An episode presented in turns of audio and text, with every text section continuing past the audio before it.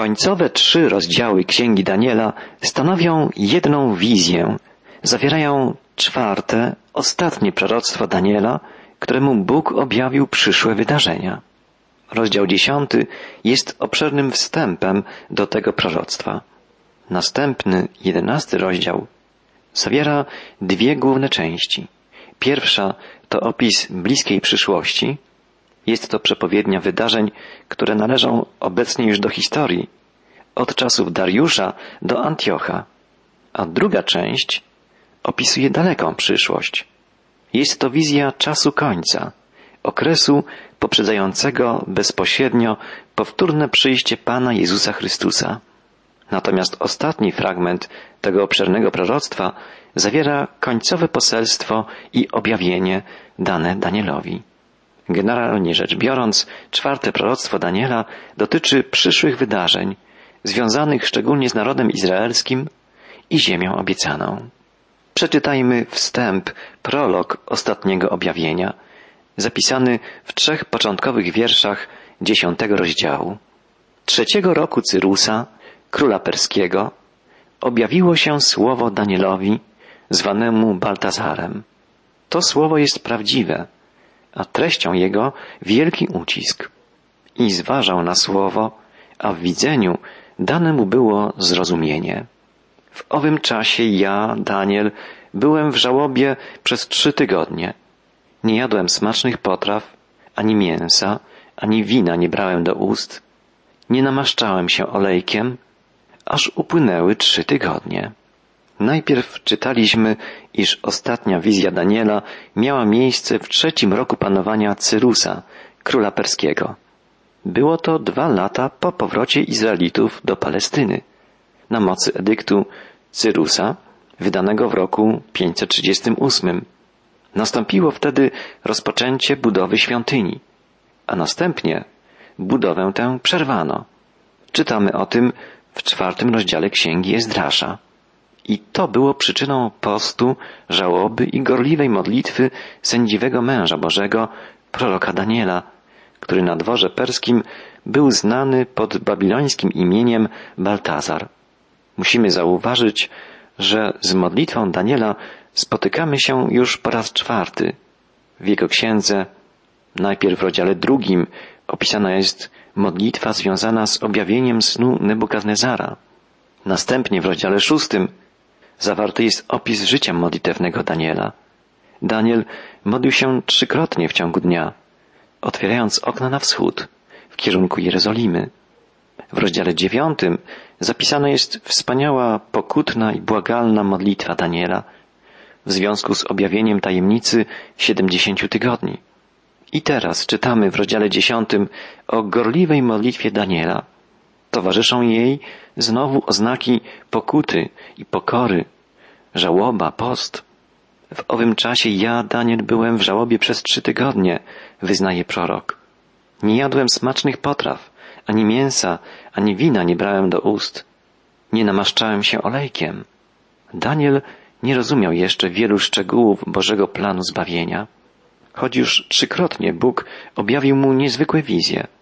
Ale Boży plan wykraczał daleko poza ramy programu odbudowy Izraela, przedstawionego w księgach Ezdrasza i Nehemiasza. Modlitwa i pokutna postawa pomogły Danielowi przygotować się do odbioru ostatniego w jego życiu wielkiego objawienia, sięgającego czasów ostatecznych. Przeczytajmy trzy następne wiersze dziesiątego rozdziału Księgi Daniela, wiersze od czwartego do szóstego. A dwudziestego czwartego dnia pierwszego miesiąca byłem nad brzegiem wielkiej rzeki, to jest Tygrysu, a gdy podniosłem oczy i spojrzałem, oto był mąż ubrany w szatę lnianą, a biodra miał przepasane pasem ze złota z ufas. Ciało jego było podobne do topazu, oblicze jego jaśniało jak błyskawica, a oczy jego jak pochodnie płonące.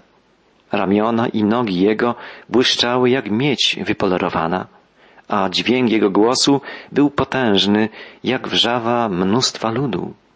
Wizja ta miała miejsce w pierwszym miesiącu, zwanym Abib, a po niewoli babilońskiej nazywano ten miesiąc Nisan. Było to nad brzegiem wielkiej rzeki Tygrys w Babilonie.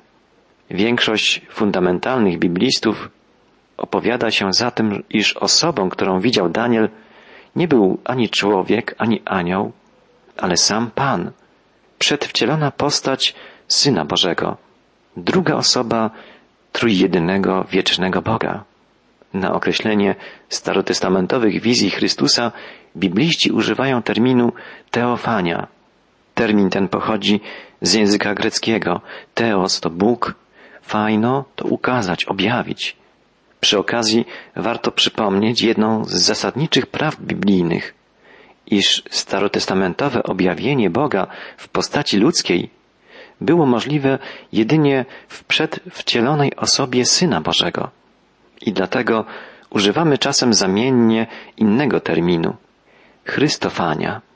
Opis postaci, którą ujrzał Daniel, przekonuje nas, iż była to Chrystofania, czyli objawienie się Chrystusa. Jakże uderzające podobieństwo występuje pomiędzy wizją Daniela a wizją Jana, żyjącego pół tysiąca lat później. Jan, przebywając na wyspie Patmos, ujrzał postać zmartwychwstałego Pana i opisał tę postać następująco. W dzień pański popadłem w zachwycenie i usłyszałem za sobą głos potężny, jakby trąby, i obróciłem się, aby zobaczyć, co to za głos, który mówił do mnie. A gdy się obróciłem, ujrzałem siedem złotych świeczników, a pośród tych świeczników kogoś podobnego do syna człowieczego, odzianego w szatę do stóp długą i przepasanego przez pierś złotym pasem. Głowa zaś jego i włosy były lśniące jak śnieżno-biała wełna, a oczy jego jak płomień ognisty, a nogi jego podobne do mosiądzu w piecu rozżarzonego, głos zaś jego jakby szum wielu wód. Nie ulega wątpliwości, iż postać, którą widział Jan i postać, którą widział Daniel, to ta sama osoba, ten sam Pan i Bóg, o którym Pismo Święte składa świadectwo, iż jest wczoraj, dzisiaj i na wieki ten sam. Jest to dla nas, ograniczonych czasem i przestrzenią, trudne do wyobrażenia, do zrozumienia, ale Jezus Chrystus jest przecież Bogiem. Jest drugą osobą trójjednego Pana, władcy wszechświata. Przypomnijmy sobie, jak Jezus, przebywając na ziemi, modlił się do Ojca tuż przed dopełnieniem swojej zbawczej misji. Ojcze, nadeszła godzina. Uwielbij Syna swego, aby Syn uwielbił Ciebie, jak Mu dałeś władzę nad wszelkim ciałem, aby dał żywot wieczny tym wszystkim, których Mu dałeś. Uwielbij mnie, Ojcze, u siebie samego, tą chwałą, którą miałem u Ciebie, zanim świat powstał. Tak, Jezus Chrystus, Pan i Zbawiciel, wczoraj, dzisiaj i na wieki ten sam. To Jego chwałę ujrzeli apostołowie na górze przemienienia, gdy rozmawiał z Mojżeszem i Eliaszem. To Jego postać ujrzał Jan na wyspie Patmos i Daniel nad rzeką Tygrys. W księdze Daniela czytamy Po upływie trzech tygodni modlitwy i postu ukazał się Danielowi mąż ubrany w szatę lnianą. Lniana szata charakteryzowała święty strój kapłanów.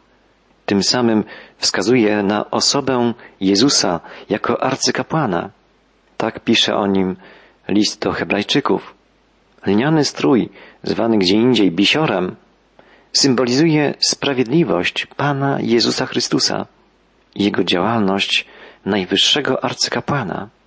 Biodra miał przepasane pasem ze złota, czytamy dalej. Złoto to obraz Jego boskości. Ciało Jego było podobne do topazu. Blask Jego ciała tekst biblijny porównuje do topazu. Hebrajski termin występujący tu w oryginale pisma Tarszisz został w Septuagincie przetłumaczony jako chryzolit. Pliniusz określił go jako przeźroczysty kamień ze złotym blaskiem. Topaz czy chryzolit obrazuje godność królewską Chrystusa. Oblicze Jego jaśniało jak błyskawica, a oczy jak pochodnie płonące. Niezwykła jasność. Opis pełnego chwały i majestatu Chrystusa, którego oblicze jaśniało jak błyskawica, a oczy płonęły jak potężne pochodnie, jest bardzo podobny do opisu wizji Chrystusa ukazanej apostołowi Janowi na wyspie Patmos. Błyskawice, pochodnie płonące i miedź lśniąca to symbole sądu, sprawiedliwego sądu Bożego. Ramiona i nogi Jego błyszczały jak miedź wypolerowana. Czytamy dalej. Błyszczące ramiona i nogi Chrystusa były zupełnie podobne do mosiądzu rozżarzonego w piecu w Janowej wizji uwielbianego Chrystusa. Jest to znak Jego ponadczasowej mocy, znak uwielbienia, znak chwały. A głos Jego był potężny jak wrzawa mnóstwa ludu. Czytamy na koniec. Potęgę Jego głosu teksty biblijne oddają za pomocą innych też porównań. Na przykład w Księdze Objawienia czytamy, iż Jego głos był potężny, jakby głos trąby albo jak szum wielu wód, jak wrzawa mnóstwa ludu. Wrażenie, jakie wywarła na Danielu wizja Chrystusa, było równie niespodziewane i wstrząsające, jak w chwili, gdy apostoł Jan oglądał uwielbionego Chrystusa na wyspie Patmos. Spójrzmy teraz, jakie były rezultaty objawienia się Chrystusa nad rzeką Tygrys. Boży prorok świadczy, tylko ja, Daniel, widziałem to zjawisko, a mężowie, którzy byli ze mną, nie widzieli tego zjawiska, lecz padł na nich wielki strach, tak że pouciekali i poukrywali się.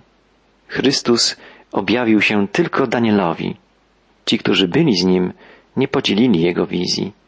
Musieli jednak dostrzec jasność lub usłyszeć odgłos, który ich przeraził, bo padł na nich wielki strach i pouciekali. Musimy tu podkreślić, że jedynie Duch Święty może sprawić, iż ktokolwiek z ludzi dostrzeże chwałę Chrystusa. Pan Jezus powiedział o Duchu Świętym, On, Duch Prawdy, wprowadzi was we wszelką prawdę. On mnie uwielbi, gdyż z mego weźmie i wam objawi. Duch Boży, jedynie On może otworzyć nasze duchowe oczy, tak jak stało się to w przypadku Daniela. Podobne niezwykłe wydarzenie miało miejsce kilkaset lat później, na drodze do Damaszku. Czytamy w Księdze Dziejów Apostolskich i stało się w czasie drogi, że gdy zbliżał się Saul do Damaszku, olśniła go nagle światłość z nieba, a gdy padł na ziemię, usłyszał głos mówiący do niego Saulu, Saulu, czemu mnie prześladujesz? I zapytał Saul, kto jesteś, Panie? A on, ja jestem Jezus, którego Ty prześladujesz. A mężowie, którzy z nim byli w drodze, stanęli oniemiali. Głos bowiem słyszeli, ale nikogo nie widzieli. I podniósł się Saul z ziemi, lecz gdy otworzył oczy swoje, nic nie widział. Wiodąc go tedy za rękę, zaprowadzili go do Damaszku. I przez trzy dni nie widział i nie jadł i nie pił. Apostoł Paweł, którego nawrócenie opisują dzieje apostolskie, utracił na trzy dni wzrok. Został oślepiony jasnością, jaka biła od postaci zmartwychwstałego Chrystusa. Podobnie wielkie wrażenie wywarła wizja pełnego chwały Chrystusa na proroku Danielu. Daniel świadczy, i zostałem sam i widziałem to potężne zjawisko, lecz nie było we mnie siły, Twarz moja zmieniła się nie do poznania i nie miałem żadnej siły. Daniel poczuł się zupełnie bezsilny, bezradny. Zdał sobie sprawę ze swojej małości, swojej słabości i grzeszności. Pozostał sam. Wszyscy jego towarzysze w przestrachu uciekli.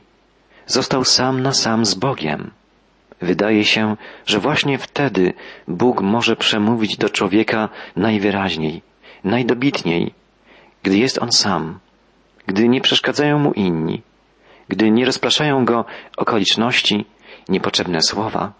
Takie charakterystyczne jest to, iż ludzie dzisiaj unikają samotności, boją się wyciszenia. Gdy wracają do domu, włączają telewizor albo radio, gdy zaczynają się nudzić, wychodzą do sąsiadów albo na piwo, żeby pogadać, żeby zagłuszyć myśli, żeby rozmawiać być może z byle kim i o byle czym. Nie nasłuchujemy głosu Boga, a On tak wiele ma nam do powiedzenia. Pomyślmy o Abrahamie, którego Bóg wyrwał z jego otoczenia, z jego miasta i polecił mu udać się w daleką drogę, do ziemi, której nie znał. Abraham usłuchał Boga. Nie było mu żal wygód i bogactwa, które miał w Ur Chaldejskim. Usłuchał głosu Boga i dotarł do ziemi obiecanej. Stał się ojcem wiary dla wielu pokoleń, dla wielu narodów. Pomyślmy o Mojżeszu, którego Bóg posłał na pustynię, gdzie przez czterdzieści lat w samotności Mojżesz przygotowywał się do wypełnienia zadania powierzonego mu przez Boga. Kiedy Pan objawił się mu w płonącym krzewie, Mojżesz był sam. Rozmawiał z Bogiem i otrzymał powołanie, któremu był wierny do końca, wiedząc, czego Bóg od niego oczekuje. Pomyślmy o Eliaszu, który schronił się nad potokiem Kerit i tam przebywał w samotności, życząc sobie śmierci. Ale i tam Bóg był z nim. Zatroszczył się o wszystkie potrzeby proroka. Rozmawiał z nim i przygotowywał go do dalszej służby. Pomyślmy o Janie Chrzcicielu, który przebywał na pustyni przez wiele lat, zanim stanął przed ludem izraelskim, by głosić nadejście Mesjasza, albo o Janie Apostole, przebywającym w samotności na wyspie Patmos, gdzie objawił mu się uwielbiony Chrystus. Bóg chce przemawiać do nas. Chce, żebyśmy nasłuchiwali Jego głosu. Czasem jedyną drogą, by do nas dotarł, jest wyłączenie nas z biegu wydarzeń, spowodowanie, że musimy się wyciszyć, zastanowić. Nie bójmy się samotności, nie bójmy się ciszy, bo często właśnie w ciszy Bóg przemawia do nas łagodnie, delikatnie, z miłością i mądrością daną tylko Jemu. Daniel znalazł się sam na sam z Bogiem. Ten sędziwy mędrzec, wybitny mąż stanu, prorok i obrońca ludu Bożego, szukał oblicza Boga. Pościł przez trzy tygodnie. Modlił się i oczekiwał na Boże Słowo. Modlitwa to przede wszystkim nasłuchiwanie, trwanie w ciszy, w gotowości na otrzymanie wieści od Pana, na usłyszenie Jego głosu. Niepotrzebnych jest wiele słów. Niestosowny jest pośpiech, brak cierpliwości. Daniel trwał w poście i modlitwie przez trzy tygodnie. Bóg nie przemówił do niego. Nie przemówił do niego od razu. Daniel był mężem wiary, pokory, wyciszenia. Był człowiekiem modlitwy, medytacji, oczekiwania. I Bóg objawił mu wielkie prawdy. Objawił mu samego siebie. A gdy podniosłem oczy i spojrzałem, oto był mąż, ubrany w szatę lnianą, a biodra miał przepasane pasem ze złota. Ciało jego było podobne do topazu. Oblicze jego jaśniało jak błyskawica, a oczy jego jak pochodnie płonące. Ramiona i nogi jego błyszczały jak miedź wypolerowana, a dźwięk jego głosu był potężny jak wrzawa mnóstwa ludu. Tylko ja, Daniel, widziałem to zjawisko.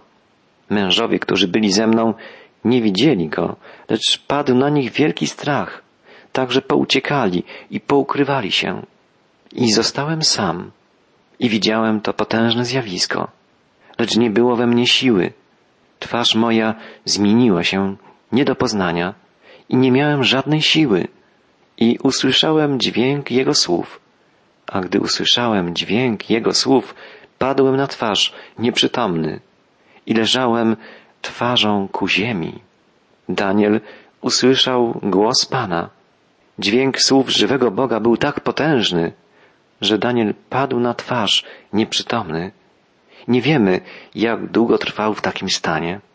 Gdy odzyskał świadomość, odczuł, że unosi go mocna ręka. Prorok świadczy, lecz oto dotknęła mnie jakaś ręka i podniosła mnie tak, że oparłem się na kolanach i na dłoniach. Chrystus sprawił, że Daniel odzyskał siły. Mocna ręka podźwignęła proroka, by mógł żyć i służyć Bogu dalej. Czy była to ręka samego Chrystusa, czy posłanego przez niego anioła, nie jest takie istotne. Ważne, że żywy Bóg objawił się Danielowi, zatroszczył się o niego i przekazał mu kolejne bezcenne, wielkie prawdy. Dzięki temu i my możemy poznać kolejne proroctwa ważne dla naszego duchowego rozwoju i dla naszego życia w ogóle. Poznamy treść tych proroctw w czasie następnych audycji, a dzisiaj zakończmy refleksją. Jak dobrze, że znamy Pana, którego ręka jest wszechmocna. On, który stworzył wszechświat, troszczy się także o każdego z nas. Nikt z nas nie jest na tym świecie samotny. Każdy człowiek jest dla Boga cenny. Każdego, nawet z tych uważanych za najmniejszych czy najgorszych, Bóg się troszczy. Każdego chce ocalić, podnieść, zbawić. Przypomnijmy sobie przypowieść o synu marnotrawnym, a właściwie o miłującym ojcu. Tak, Bóg kocha każdego z nas i pragnie naszego dobra. On przyrównany jest w Biblii także do dobrego pasterza, który szuka nawet jednej zagubionej owieczki. Tę, która jest zraniona, zmęczona, bezsilna, bierze w ramiona i niesie do celu, do domu Ojca. Jakże cudowna to prawda, że kiedyś będzie jedna owczarnia i jeden pasterz. Bóg ogarnie swoją miłością dzieci Izraela, takie jak Daniel, Dawid czy Abraham. Ogarnie też swoją miłością swoje dzieci spośród wszystkich narodów, tak jak uczynił to względem Rut, Rahab, Łukasza, Tytusa i wielu, wielu innych. On zna każdego z nas po imieniu i wszystkich nas zaprasza do swego królestwa.